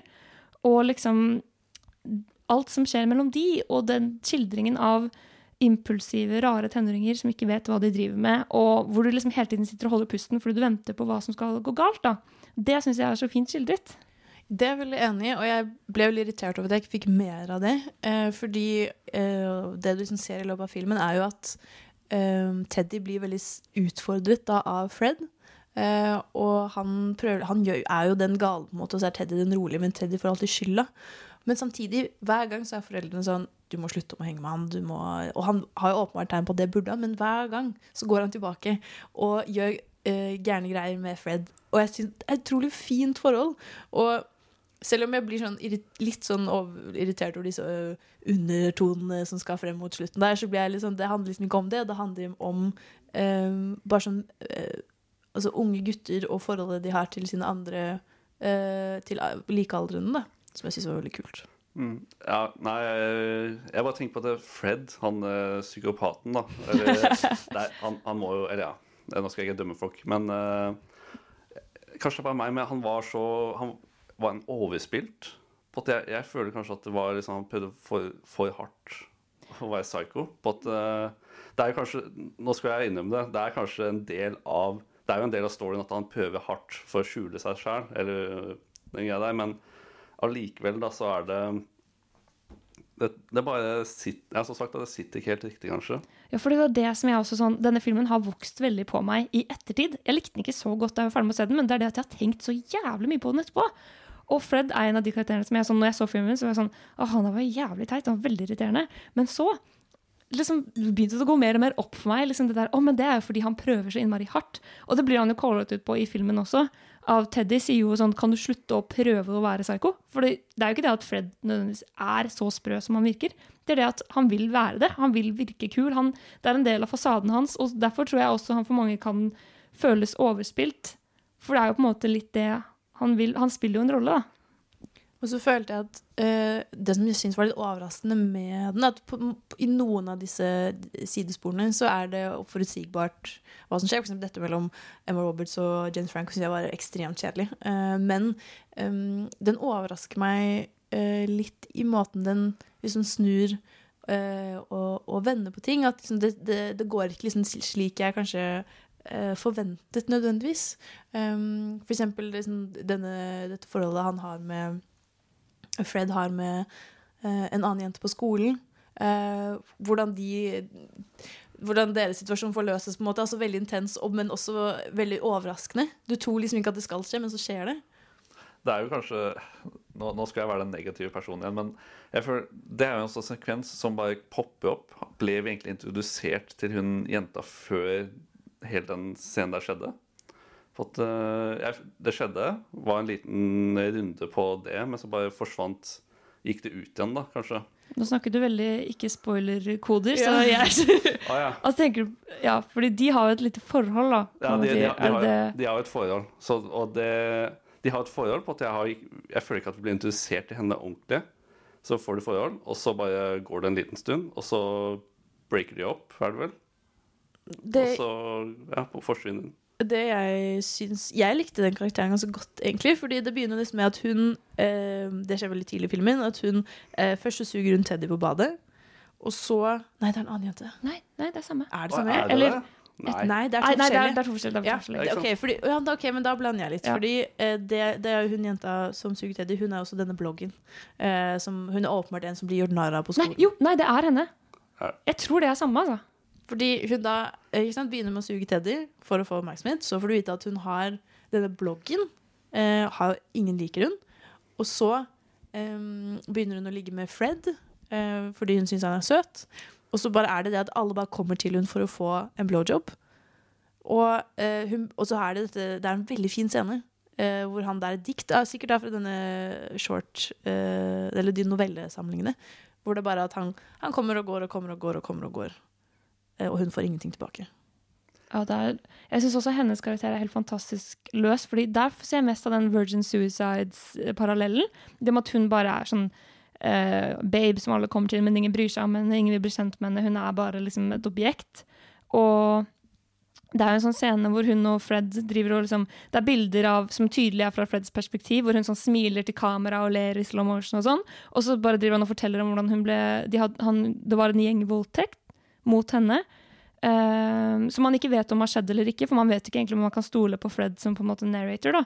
Og jeg bare synes Det var en av de liksom mest interessante og rare og uforventede scenene som fikk meg til å tenke at liksom Gia tør å ta noen sjanser som filmskaper. da, Og gjøre noe litt uh, ikke så kommersielt, på en eller annen måte. Eh, jeg så den ikke komme. Og det likte jeg. Jeg likte å bli overrasket. Og derfor likte jeg siste halvdel mye bedre også. fordi første halvdel så var jeg sånn Å, skal det være en sånn her film? Og så bare tok den en helt annen vending, da. Jeg, jeg er veldig spent på å Jeg tror absolutt som du sier hun trenger en del filmer, eller ikke en del, men et par filmer til for å liksom finne sin stil. Og, men jeg tror at, igjen at Sofie har vært en veldig god mentor nettopp i dette, bruke det feminine og, uh, og tar det videre til noe skarpt og til noe litt mørkere. Uh, og liksom presentere da ungdommer på et seriøst vis, og det trenger vi som sagt mange flere som gjør. Og apropos sanger som eh, bringer kvinner eh, opp i lyset, eh, så skal vi høre eh, 'Damer runker også' av The Camel Toes. Jeg har egentlig sagt det, men jeg kan si det en gang til. Radio Nova. På, DAB og nettradio. på radionova.no. Jeg har egentlig sagt det, men jeg kan si det en gang til. Radio Nova. Nå har vi vært gjennom eh, de største og nyeste altså de, og de mest ukjente koplene. Og snakket litt om det. Som du sikkert har fått med deg, så er det mange som har med hverandres business å gjøre her. Det er eh, eh, både familie og eh, jobb i samme, i samme gryte her. Og hva føler vi egentlig om dette? Det er jo på en måte litt dårlig gjort. Fordi disse har jo fått verdens beste filmskole gratis, og haugevis av muligheter som ingen andre får. Men samtidig, jeg klarer ikke å liksom boikotte de heller, fordi det er jo veldig mye talent her, da. Så det er en, sånn som du sier, Når du får den beste filmskolen i verden, da, så er det jo veldig høy sjanse for at du blir en god filmskaper eller noe. Og da De er gode folk. De lager kvalitet, eller har laget kvalitet. Ja, for dette er jo det spørsmålet med arv og miljø.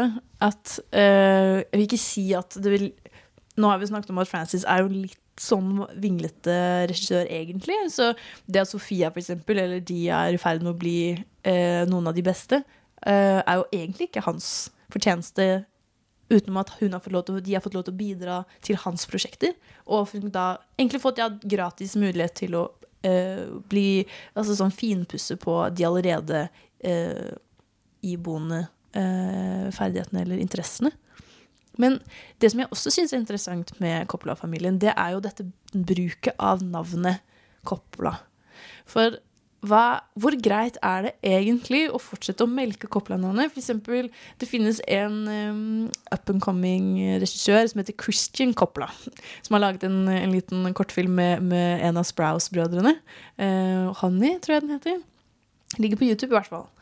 Og han bruker jo Coppola-navnet, men i et intervju så har de spurt ja, hva er egentlig din relasjon til Coppola-familien, og han sier rett ut veldig, veldig svak. Sånn langt der borte. Inge, vi snakker nesten ikke sammen, typ, sier han. Jeg er helt ærlig på det. Hvor greit er det å fortsette å da bruke Coppola-navnet? Ja, da syns jeg det er litt flaut at han bruker det. Da, for da hadde jeg bytta. Da hadde jeg tatt en Nicholas Cage. Fordi liksom ah, Da virker det som han bare prøver så innmari hardt, liksom. Det er jo hvis han, eh, hvis han ikke har noe kontakt med dem, hvis han ikke har fått er, det er, Nå er jeg litt fan av nepotismen her, men hvis han ikke får den opplæringen med film av å være en koppla så føler jeg ikke at han har rett til å bruke navnet. da. Åh, så du tenker det er det som skal til? At du må ha gått på liksom Francis sin skole? Ja, vel, den største privatskolen Ja, virkelig. Oi, den mest eksklusive også. Ja, mest eksklusivt. Men sånn, selv Jason har jo ikke bytta til Coppola-navnet, liksom. Selv om jeg er overbevist om at det er hans største drøm. Han har sikkert hatt veldig, veldig lyst. Ja. Men uh, bare fått avslag på avslag. Søkt, egentlig, men bare ikke fått det igjennom. Men vi har jo sett suksesser med Jason og Nicholas Cage. Og selv om de på starten så brukte de jo navnet som springbrett, kanskje, så føler jeg de har klart å bli gode uten å bruke navnet, liksom. Jeg tror de bare lag, hadde gode ferdigheter, da.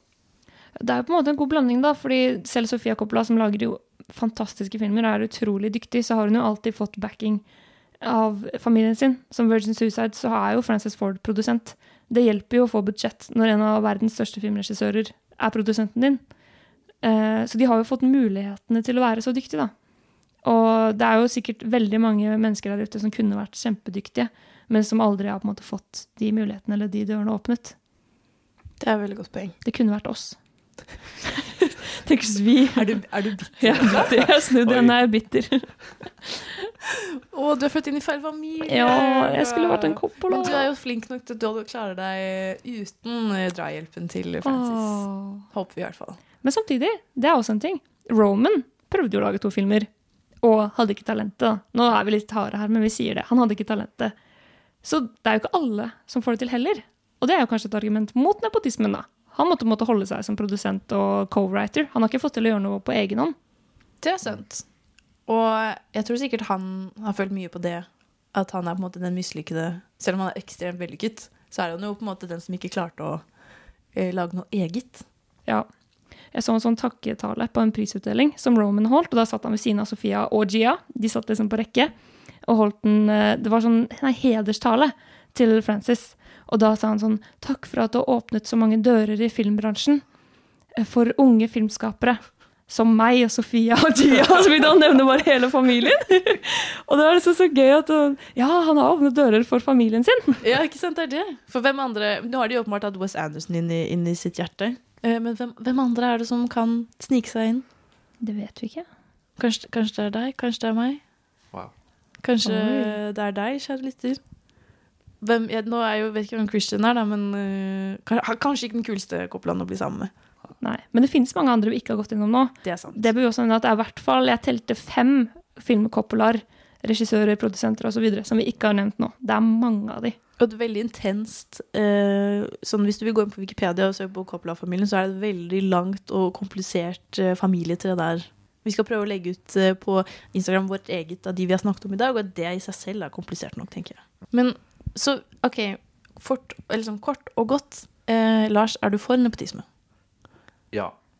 Embla, er du for nepotisme? Kan man si ja, jeg er for nepotisme? Du må det. Er det det det Du må det.